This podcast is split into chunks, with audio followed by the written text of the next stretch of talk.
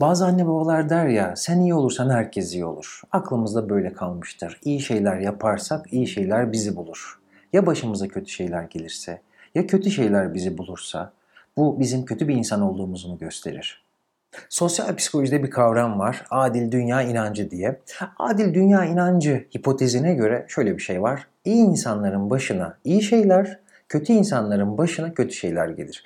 Bir insan kötü bir şey yaşıyorsa hak etmiştir. Özellikle başkalarının başına gelen olayları değerlendirirken bu adil dünya inancı hipotezi beynimizde devreye giriyor. Kötü bir şey yaşadıysa ya kim bilir ne yaptı da başına bu geldi gibi. Böyle bir durumda aslında başkasına zarar vermiş oluyoruz ama kendimiz bir nebze de olsa bu durumdan kurtarmış oluyoruz ama durum bununla sınırlı kalmıyor. Bazen bu olayı kendi üzerimizde de uyguluyoruz. Başımıza kötü bir olay geldiği zaman olayı karşı taraf üzerinden değil sadece kendi üzerimizden değerlendirmeye başlıyoruz. Ne oluyor peki? Evet kötü şeyler yaşıyorum. Sanırım ben yeterli değilim. Ben iyi bir insan değilim. Ben iyi şeyleri yapamadım bu hayatta gibi düşünceler zihnimize üşüşüyor. İşler yolunda gittiği zaman hiçbir problem yok. Ama ne zaman ki işler tersine dönüyor, ufak tefek kötü şeyler başımıza geliyor, işte o zaman bir kriz hali ortaya çıkıyor. Diyelim ki bir yerde çalışıyorsun ve bir iki senedir orada çalışıyorsun. Amirin senden çok memnun. Başka birisi geliyor o iş yerine ve torpilli olduğu herkes tarafından bilinen bir gerçek. Amirin sırf o torpili sağlayan kişiye yaranmak adına seni biraz altta görmeye başlıyor. Normalde daha düne kadar senin çok başarılı olduğunu düşünen kişi seni eleştirmeye başlıyor.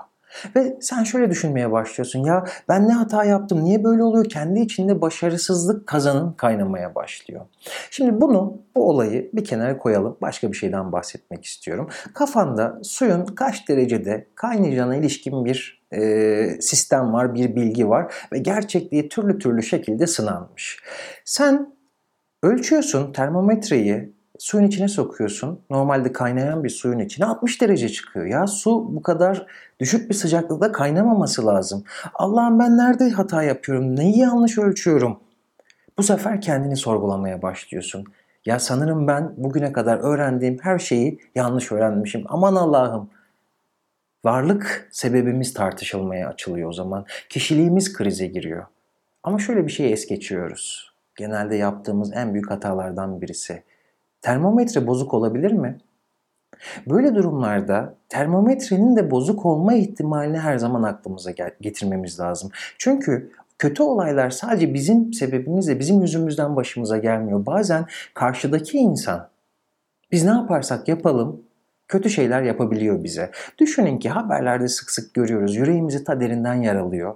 Birçok kadın sıkıntılı psikopat eşleri tarafından öldürülüyor.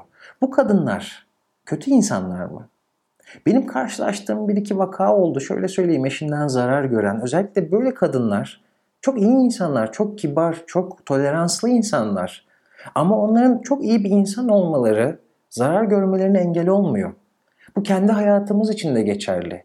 Sen süper iyi bir insan olabilirsin, harika bir insan olabilirsin ama etrafındaki insan senin iyi olmandan bağımsız olarak sana zarar verebilir. Onun zarar vermesi, onun sana kötü davranması senin kötü olduğun anlamına gelmez. O yüzden böyle bir olayı değerlendirirken etrafımızdaki insanların bize zarar verme ihtimallerini ve bunun sebeplerini değerlendirirken her zaman aklımıza şu gelmesi lazım. Belki de termometre bozuk. Bir de bu işin içinde kontrol yanılsaması dediğim bir durum var. Sanki başımıza gelen, gelebilecek her olayı kontrol edebilirmişiz gibi. Hayattaki her değişken bizden sorulurmuş gibi. Ama şöyle bir şey var. İnsanlar aciz varlıklar. Başına gelen, hayatına gelen, hayatını belirleyen çok az şeyi kontrol edebiliyor. Özellikle kişisel gelişimin son zamanlarda e, insanların zihnine pompaladığı bir şey var. Yani iyi düşünürsen iyi olacak. Evrene gönder mesajları. Eğer kötü düşünürsen ne olacak? O zaman sanki her şeyi kontrol edebiliyoruz hayatımızda. Bazen sen ne kadar çabalarsan çabala. Ne kadar uğraşırsan uğraş çok istediğin bir şey olmayabilir. Evet sen uğraşmaktan vazgeçmemelisin. Ama bazen de sınırlarımızı bilmek, gücümüzün sınırlılığını bilmek, teslim olmak bizi çok rahatlatacaktır. Hayatımızdaki çoğu şey bizim kontrolümüz altında değil. Zayıf varlıklarız.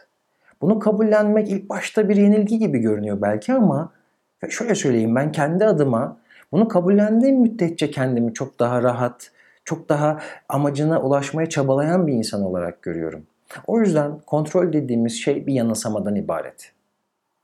Burada kastettiğim kesinlikle şu demek değil. Yani başımıza ne kötü olay gelirse gelsin diğerlerinin suçu.